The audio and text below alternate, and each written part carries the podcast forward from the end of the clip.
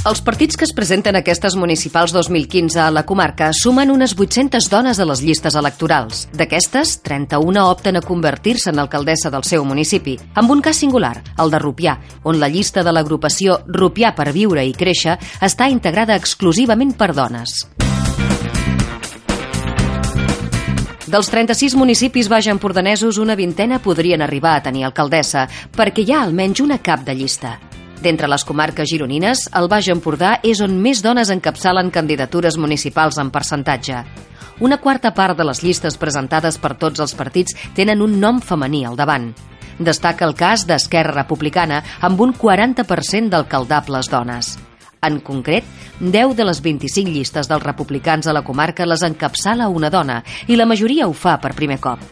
Altres formacions amb números significatius en aquest sentit són la CUP i el PSC. Per contra, el Partit Popular i Convergència i Unió presenten els percentatges més baixos de dones alcaldables. La comarca se situa notablement per sobre de la mitjana de la província de Girona, on menys del 20% dels caps de llista són dones. Aquest anterior mandat ha conclòs amb set alcaldesses a la comarca. Són Núria Anglada a la Bisbal, Maria Carme Güell a Cursà, Teresa Ferrés a Palamós, Sílvia Monar a Pals, Roser Beguer a la Tallada d'Empordà, Maria Gràcia Serrats a Ultramort i Marta Pallaró a Verges.